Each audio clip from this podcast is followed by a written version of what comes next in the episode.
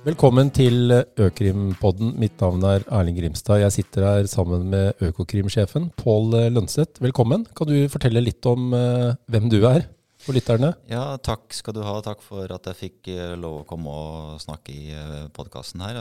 Jo, jeg er Pål Lønseth, Økokrim-sjef. Jeg har vært det nå i, i seks, seks måneder. Tiltrådte sommeren i fjor. og har egentlig lang fartstid bakgrunn fra politi- og påtalemyndighet spesielt. Uh, statsadvokat i mange år, uh, både i Oslo og nasjonale embete. Um, jeg har uh, liten rådgivningsbakgrunn fra FN også i et oppdrag i, Afghanistan. Og um, har jobbet syv år som advokat med ulike compliance-spørsmål i, i PwC. Mm. Mm. Vi skal snakke litt om uh, trusselbildet, sånn som dere da i Økokrim uh, ser det. Og hva vil du si er de viktigste truslene innen temaet økonomisk kriminalitet, uh, sett fra Økokrims ståsted når vi nå er i starten av 2021? Det er jo ikke mulig å komme unna at vi står jo i en pandemi. og vi har flere støtteordninger på plass, og vi er jo bekymret for bedragerier mot disse støtteordningene, uh, som jo er etablert uh, for å hjelpe norsk samfunnsliv og norsk næringsliv gjennom den pandemien vi står i. Uh, og dette er ordninger som er raskt etablert. kontrollmekanismer er mye færre enn hva de er for ordinære ordninger i, si, i normaltid. Uh, og det øker selvfølgelig risikoen for bedrageriet mot disse ordningene. Nå er det heldigvis sånn at vi ser ikke uh, så veldig mange anmeldelser uh, så langt fra de virksomheter, altså disse offentlige etater som administrerer disse ordningene. det er jo per i dag sånn i hvert fall for ut, utgangen av fjoråret så var det vel rundt ja, tett opp mot 70 anmeldelser i hele Politi-Norge. Økokrim selv har hatt et eget prosjekt på dette hvor vi har tatt eh, tolv uh, så langt. Men dette er jo bedragerier som går på egentlig alle ordningene, og vi har vært opptatt av å markere tydelig at uh, dette kommer vi til å slå hardt ned på. Så det, det er jo én del som vi jo peker på egentlig både i vår egen trusselvurdering, men også i den NRA-en. Uh, at det er en, en risiko for så vidt gjelder økonomisk kriminalitet. da. Og NRA-en, som du sier, det er den nasjonale ja, risikovurderingen som kom nå sist i desember 2020? Ja, det er riktig. Vi, vi, vi lager ulike dokumenter i, i Økokrim. og Vi har vår egen trusselvurdering, og så er det NRA-en som er et produkt for, fra, fra Justisdepartementet. da. Um, som, men som selvfølgelig vi er tungt involvert i på for så vidt gjelder uh, hvitvaskingsdelen. Og så har PST en stor rolle selvfølgelig så vidt gjelder terrorfinansiering. Mm.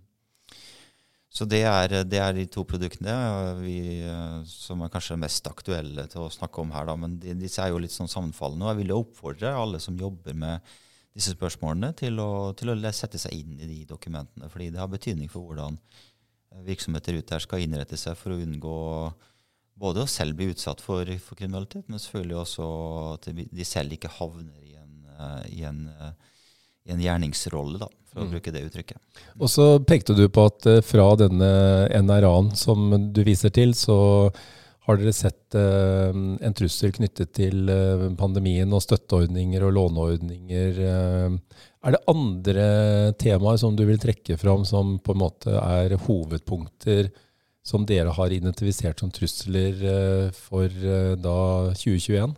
Ja, vi peker på ulike former for bedragerier, og investeringsbedragerier, eh, som er en klar trussel. Og en økende trussel. og kanskje er den økende også fordi vi er i den situasjonen vi er i. Eh, det mener vi nok. Og hvis du ser også over til, til UK, så, så, har man jo der nå løftet dette bedrageriproblemet uh, så høyt på agendaen at noen mener det skal inn i, uh, i, som en trussel mot nasjonal sikkerhet, rett og slett. Fordi det genererer så store inntekter for organisert kriminalitet at det blir rett og slett en, en nasjonal sikkerhetsrisiko. Uh, og det er, uh, det er uh, Vi ser også mye bedragerier og, av ulik karakter, da. Mm. Ja, Og så er det jo vedvarende uh, trussel knytta til a-krim. Uh, som politiet også har en, uh, mye arbeid knytta til. Sammen med de andre, samme kontrolletater, selvfølgelig. Mm. og der ser vi også nå, jeg har lyst til å si det, at vi, vi, vi ser en utvikling i at det skjer også det, det hvitvaskes igjennom virksomheter som vi har kjent driver med a-krim. Mm. Uh, og at du får en kobling mellom si, tradisjonell organisert kriminalitet og narkotikakriminalitet f.eks. Og så inn i et, uh, inn i et A-krim, eller kjente A-krimaktører som også hvitvasker det, dette gjennom sin virksomhet. Uh, og det, er, det peker vi på. Um, kan jeg bare spørre om en ting? for Når du sier A-krim, du mener selvfølgelig arbeidslivskriminalitet. Det er mange, mange ord på dette. Men ja. Dette handler da, etter det vi forstår, om virksomheter som eh, unndrar seg skatt og avgift, altså lager fiktive fakturaer, eh, driver sosial dumping, er involvert i den type kriminalitet. Eh, og mange tenker nok på det som typisk bygg- og anleggssektoren. Men er det også andre bransjer dere ser som har en risiko for arbeidslivskriminalitet? Ja, Vi laget nettopp en vurdering av, av a-krimtrusselen og oppdaterte den. og Det vi har sagt der, er at bygg og anlegg er der. Det er vedvarende. Og så, så, ser vi nå en økt trussel knytta til varetransport. Det er en betydelig økning i bruk av nettbaserte handelsplattformer. som genererer selvfølgelig at man må transportere fysiske produkter. Og det igjen har en side mot at man ser en økt bruk av transportører, og tra transportbransjen er en kjent vidt, risikoaktør innenfor for a-krim, altså arbeidslivskriminalitet. Så det, det, er absolutt. Ja, a-krim er jo Det er jo ikke noen straffebestemmelse som sier at for, du får så og så lang tid for å dreve med a-krim. Eh, det er jo en sammensatt betegnelse, egentlig, som ikke er en, et straffebud, på noen måte, men en sett av si, fenomener og straffbare handlinger som vi definerer som a-krim. Og det er jo alt fra typisk skatte- og avgiftsbedragerier, men også sosial type sosial dumping og, og, arbeidsplasser hvor man ikke har tilstrekkelig HMS-fokus og osv. Um, Uh, matkriminalitet kan sågar gå inn der. Altså det, er, det, det, er et, det, er, et, vidt begrep, da, men, uh, men, som omfatter mange straffbare forhold, egentlig. Mm. mm. Er det andre temaer du vil ta opp? Er det noe innenfor miljøkriminalitetsområdet for eksempel, som dere ser som noen hovedtrusler? Ja, altså Der har vi jo også i vår trusselvurdering pekt på at det er eh, definitivt trussel innenfor miljøkrimområdet, som jo også er en sentral del av vår virksomhet, eh, og har fokus på det. Men vi har jo pekt på bl.a. Uh, eh, ulovlig eksport av EE-avfall, altså elektroniske produkter. Vi har sagt at marin forsøpling er en risiko. dette er jo type Miljøkrim er jo også Eh, økonomisk kriminalitet. Det må man huske på. Eh, når man begår nei, miljøkriminalitet, så er det ofte fordi man ønsker å redusere kostnaden ved sin virksomhet. Man tar eh, snarveier for gjennom å bryte miljøbestemmelser og derved gjennom å kutte kost, som igjen kan bety at man kan vinne kontrakter.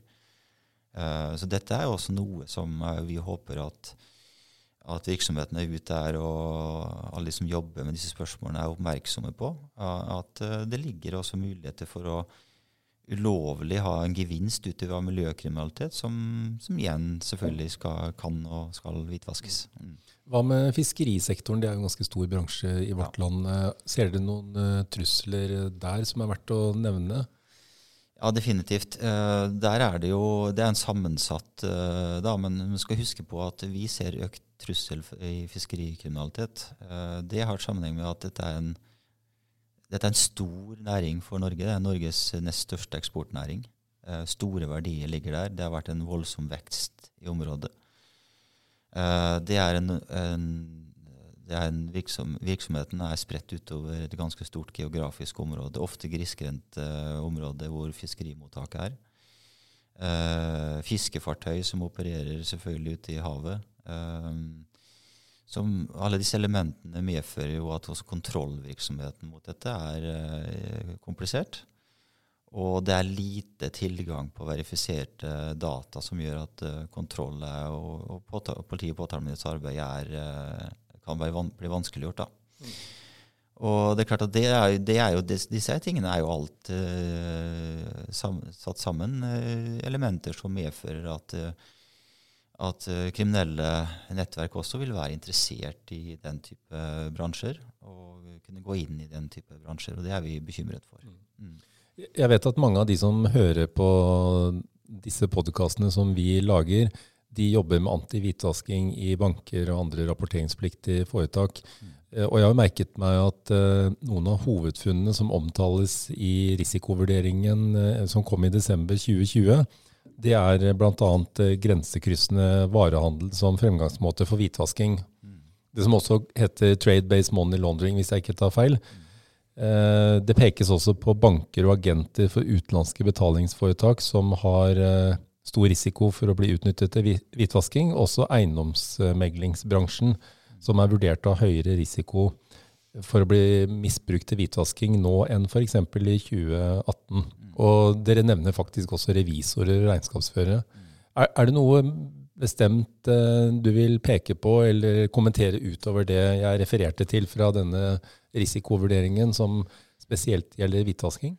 Kan du kanskje nevne eiendomsdelen av det, da, eh, som jo vi peker på nå, som vi kanskje ikke har pekt på i så stor grad tidligere. Men der ser vi jo at eh, eiendom og utvikling av eiendommer, eh, både kjøp og utvikling av eiendommer, der kan det skje hvitvasking. fordi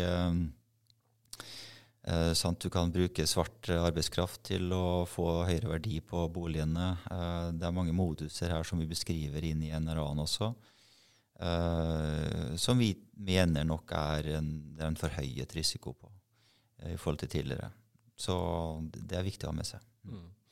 Og så skriver dere, eller dere har jo vært med å lage denne risikovurderingen. Eh, det skrives her bl.a. om terrorfinansiering.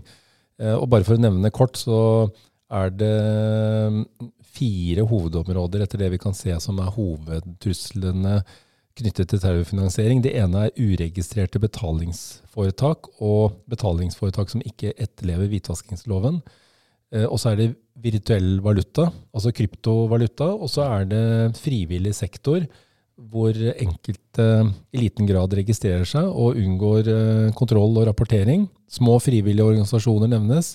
Og så helt til slutt så er det pengeinnsamling via sosiale medier til ulike aktører. Og her kommer også virtuell eh, valuta inn i bildet. Mm. Eh, sånn som du oppfatter det, gir dere et, da et fair bilde av trussel, eh, oppsummeringen av truslene knyttet til terrorfinansiering ja. ved inngangen av 2021? Ja, helt overordnet så gjør det det. Men jeg har lyst til også å peke på at uh, f.eks. krypto og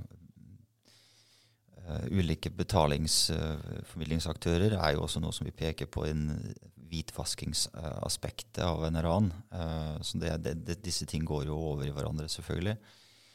men det er også en klar trussel innenfor selve hvitvaskingsvurderingen vår. da. Mm. Så Helt til slutt så har jeg bare ett spørsmål som er knyttet til uh, igjen hvitvasking.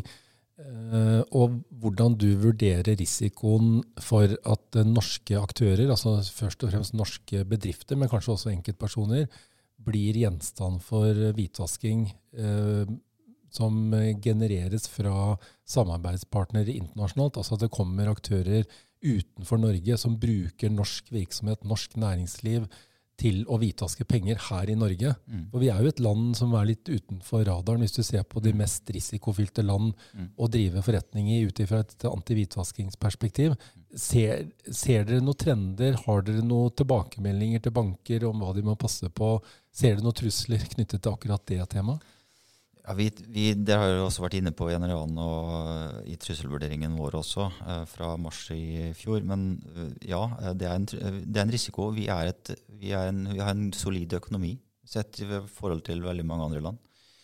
Også gjelder det under pandemien. Kanskje illustreres det ytterligere under pandemien i forhold til andre land. Det gjør oss attraktive. Vi har en banksektor som, er, som har høy tillit internasjonalt. Uh, til tross for at det har vært hendelser i våre naboland iallfall. Men, uh, men, men fortsatt uh, veldig høy tillit på norske finansinstitusjoner. Og alt dette gjør, på en måte legger til rette for at, at kriminelle nettverk ute kan være interessert i å hvitvaske utbytte i Norge gjennom f.eks. investeringer i norske virksomheter.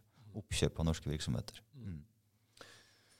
Pål Lønseth, Økokrim-sjef. Tusen takk for at du delte overordnede trusselbilder med oss eh, i denne podkasten. Eh, og velkommen igjen ved neste anledning. Takk skal du ha. Takk skal du ha.